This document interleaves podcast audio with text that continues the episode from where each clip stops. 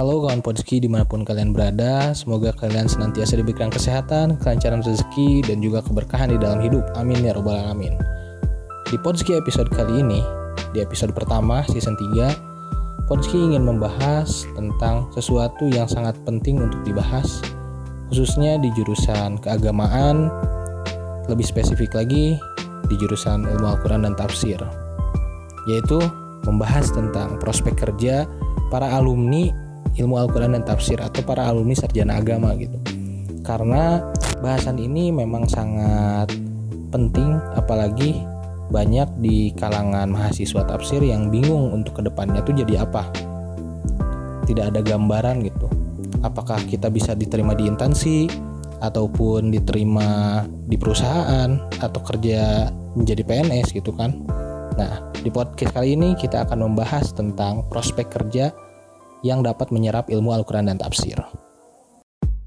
Untuk di posisi pertama, prospek kerja ilmu Al-Quran dan tafsir ataupun jurusan keagamaan yang sangat diminati bahkan dari semua jurusan yaitu prospek sebagai pegawai negeri sipil atau PNS. Nah, bagi lulusan ilmu Al-Quran dan tafsir juga mempunyai kesempatan untuk masuk di pemerintahan, terutama pada posisi yang tidak jauh dari keagamaan dan instansi yang menampung banyaknya tidak lain dan tidak bukan adalah Kementerian Agama Republik Indonesia. Menjadi PNS bisa sebagai penyuluh, bisa sebagai peneliti, bisa sebagai dosen, bisa sebagai guru. Itu semuanya ada dalam cakupan PNS. Nah, bagaimana supaya kita masuk PNS? Yang pertama tentunya kita harus mengikuti tes CPNS yang kemarin ada tuh 2019 yang saya ikuti 2019 dan 2021 karena kebetulan 2020 itu CPNS tidak dibuka. Seiring meningkatnya angka COVID yang semakin tinggi. Memang di Kementerian Agama itu di jurusan tafsir sendiri waktu 2019 itu menerima sebagai penyuluh auditor dan juga guru. Guru Quran hadis. Tetapi pada di 2021 guru ditiadakan dari CPNS menjadi P3K tetapi untuk jurusan ilmu Al-Quran dan Tafsir sendiri di Kementerian Agama menerima sebagai pegawai lajnah pentasisahan mushaf Al-Quran sebagai auditor sebagai penyuluh keagamaan kemudian sebagai penghulu? Iya penghulu. Sebagai penghulu. Itu semua adalah prospek kerja sebagai PNS di Kementerian Agama. Tentunya tidak menutup kemungkinan ada di di instansi-instansi lain. Karena waktu 2021 2019 saya ikut di auditor Kemenag dan 2021 saya ikut testing di Indramayu sebagai penyuluh sosial tetapi kita harus melihat dulu kebutuhannya dan juga posisinya.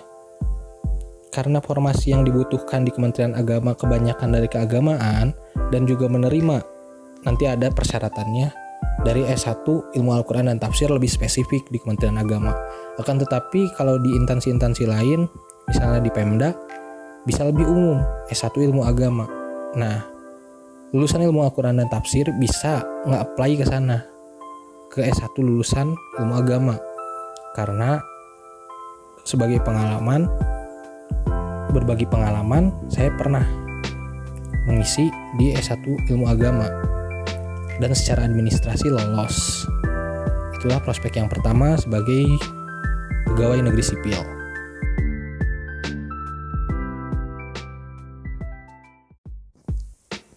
Kemudian ada dai atau mubalik lulusan dari ilmu Al-Quran dan tafsir pasti memiliki pengetahuan tentang keagamaan Islam yang cukup luas dan bisa disebarkan kepada masyarakat luas pula. Pelajaran selama kurang lebih 8 semester di perkuliahan bisa diamalkan di pekerjaan dai dan mubalik ini. Walaupun banyak juga dai dan mubalik itu yang lulusan pondok pesantren, tetapi mereka melanjutkan lagi ke jurusan tafsir. Nah, itu lebih lebih ajeg gitu ya keilmuannya. Selain di pesantren bisa menjadi sudah bisa menjadi mubalik ditambah lagi diperkuat ilmunya di perkuliahan. Nah itu lebih mumpuni untuk keilmuan meskipun tidak semuanya begitu. Namun prospek dai atau mubalik ini biasanya merangkap tidak murni sebagai dai dan mubalik saja yang dijadikan pekerjaan. Akan tetapi ada yang guru sebagai dai bisa ataupun pegawai negeri sipil sendiri itu yang menjadi dai atau bisa ataupun pengelola pondok pesantren itu juga bisa menjadi dai. Jadi untuk prospek dai dan mubalik ini tidak berdiri sendiri.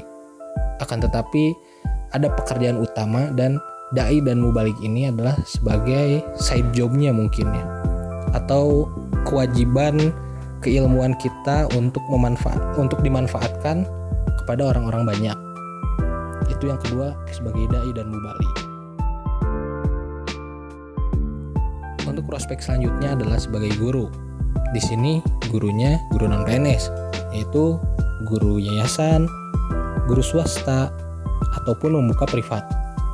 Lulusan ilmu Al-Quran dan tafsir mempunyai banyak peluang untuk menjadi pengajar atau pendidik. Tentunya, walaupun di idealnya guru itu lulusan sarjana pendidikan atau fakultas keguruan dan tarbiyah, tetapi tidak menutup kemungkinan bahwa lulusan tafsir juga bisa mengajar. Apalagi seiring berkembangannya zaman, banyak sekolah-sekolah Islam yang membuka program keagamaan dan di sana lulusan ilmu Al-Quran dan tafsir bisa mengisinya. Sebagai catatan untuk guru honor di sekolah negeri juga bisa diisi oleh ilmu Al-Quran dan tafsir. Karena berbagi pengalaman, teman-teman saya yang lulusan ilmu Al-Quran dan tafsir banyak yang mengajar sebagai honorer di sekolah negeri. Walaupun mereka semua itu kuliah lagi pas sudah masuk jadi guru, mereka kuliah lagi S1 untuk mengambil pendidikan, gelar pendidikan. Tetapi kalau misalnya di yayasan, itu tergantung yayasannya apakah menyuruh Anda kembali berkuliah ataupun tidak apa-apa menggunakan gelar sarjana agama kalian. Dan tadi disebutkan menjadi guru privat. Guru privat ini sangat menjanjikan karena sekarang banyak orang tua yang anak-anaknya itu ingin belajar mengaji tetapi tidak mau apa ya bukan tidak mau ingin mengajinya itu di rumah nah kebanyakan dari orang tua tersebut memanggil guru privat mengaji nah sebagai ilmu sebagai lulusan ilmu Al-Quran dan tafsir kalian juga bisa mengisi kesempatan tersebut untuk menjadi pengajar privat yang freelance ataupun bisa dikelola oleh lembaga. Setelah menjadi PNS, menjadi guru dan menjadi dai, tentunya lulusan ilmu Al-Quran dan tafsir juga bisa bekerja di pondok pesantren. Mereka yang berasal dari pondok pesantren akan kembali ke pondok pesantren lagi, begitupun lulusan ilmu Al-Quran dan tafsir. Lulusan dari jurusan ini juga dibutuhkan di dunia pesantren untuk membantu para siswa menjawab berbagai permasalahan dan tantangan dunia kontemporer sehingga para santri dari pondok pesantren bisa lebih mempunyai banyak wawasan tentang ilmu keagamaan di era sekarang ini. Nah, kebanyakan yang lulus dari IAT kembali lagi ke pesantrennya, entah itu sebagai pengajar ataupun sebagai musyrif atau musyrifah, mereka kembali mengabdi di pesantren. Itu menjadi alternatif prospek kerja dari ilmu Al-Quran dan tafsir.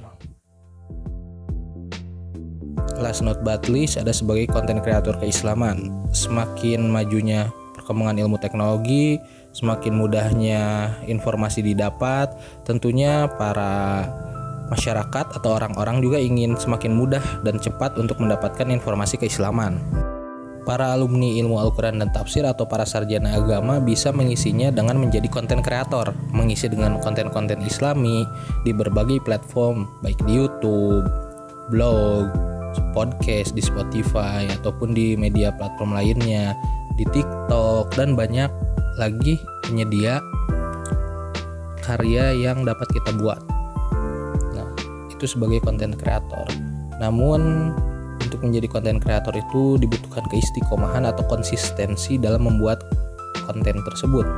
jangan sekarang buat besok enggak atau misalnya di, di jadwal dari satu minggu itu ingin ngebuat berapa konten gitu tetapi itu harus konsisten dan istiqomah gitu ya agar mendapatkan hasil memang untuk menjadi konten kreator ini tidak mudah untuk langsung dapat materinya gitu memang ada waktu untuk mendapatkan sebuah materi itu selain dari ilmu yang kita dapat karena untuk membuat konten juga kita harus belajar bagaimana editing bagaimana cara copywriting, bagaimana kita advertising kayak gitu. Hampir sama seperti pengusaha, cuman kalau konten kreator itu kita membuat konten. Kurang lebih seperti itu. Mungkin ini prospek kerja yang terakhir di podcast ini yaitu sebagai pengusaha. Bukan hanya dari IAT saja atau dari jurusan agama saja yang bisa jadi pengusaha. Tentunya dari lulusan SD, SMP, SMA juga bisa menjadi pengusaha. Tetapi tidak menutup kemungkinan dengan ilmu-ilmu yang didapatkan di perkuliahan kita bisa mengaplikasikannya dalam bentuk usaha apa pun usaha itu entah itu usaha sandang pangan maupun usaha lainnya itu adalah sebagai pengusaha. Banyak juga teman saya yang menjadi pengusaha di bidang apa pun itu. Dan mereka alhamdulillah sukses. Itu dari lulusan IAT jadi jangan takut lulusan IAT untuk menjadi pengusaha atau menjadi entrepreneur karena sudah ada alumninya yang menjadi seorang pengusaha gitu. Itulah beberapa prospek kerja yang dapat dihimpun oleh Podski mungkin di luar sana banyak sekali prospek kerja yang memang belum dihimpun oleh Podski ini. Tetapi insya Allah di mana pun kalian berada di mana pun kalian berusaha Allah akan memberikan jalan kepada kita semua. Asalkan kita berikhtiar dan juga melakukannya dengan penuh tawakal dan berpas bukan berpas menyerah diri kepada Allah Subhanahu wa taala. Karena Allah akan memberikan jalan kepada kita bagi siapa saja yang berusaha dan berdoa kepada Allah bahkan jika kalian belum mendapatkan pekerjaan dan lebih memilih untuk melanjutkan S2 kalian juga akan mendapatkan rezeki dari arah mana pun yang tidak terduga gitu yang terpenting adalah gigih untuk berusaha dan juga berdoa selalu kepada Allah untuk mendapatkan ridho, rezeki dan berkah. Itulah episode kali ini di episode 1 Podski tentang prospek kerja lulusan ilmu Al-Quran dan Tafsir dan juga para sarjana agama. Semoga podcast ini bermanfaat bagi kalian yang mendengarkan. Dan juga bagi yang mendengarkan semoga mendapatkan keberkahan dan kesehatan kalian maupun keluarga kalian di mana pun kalian berada. Untuk kemajuan podcast ini kalian bisa berdonasi di traktir.com nanti linknya akan disematkan di deskripsi kalian bisa donasi berapa saja untuk kemajuan podcast kali ini atau podcast Podski ini Terima kasih telah mendengarkan para kawan-kawan Podski. Senang bisa memberikan informasi kepada kalian. Assalamualaikum warahmatullahi wabarakatuh.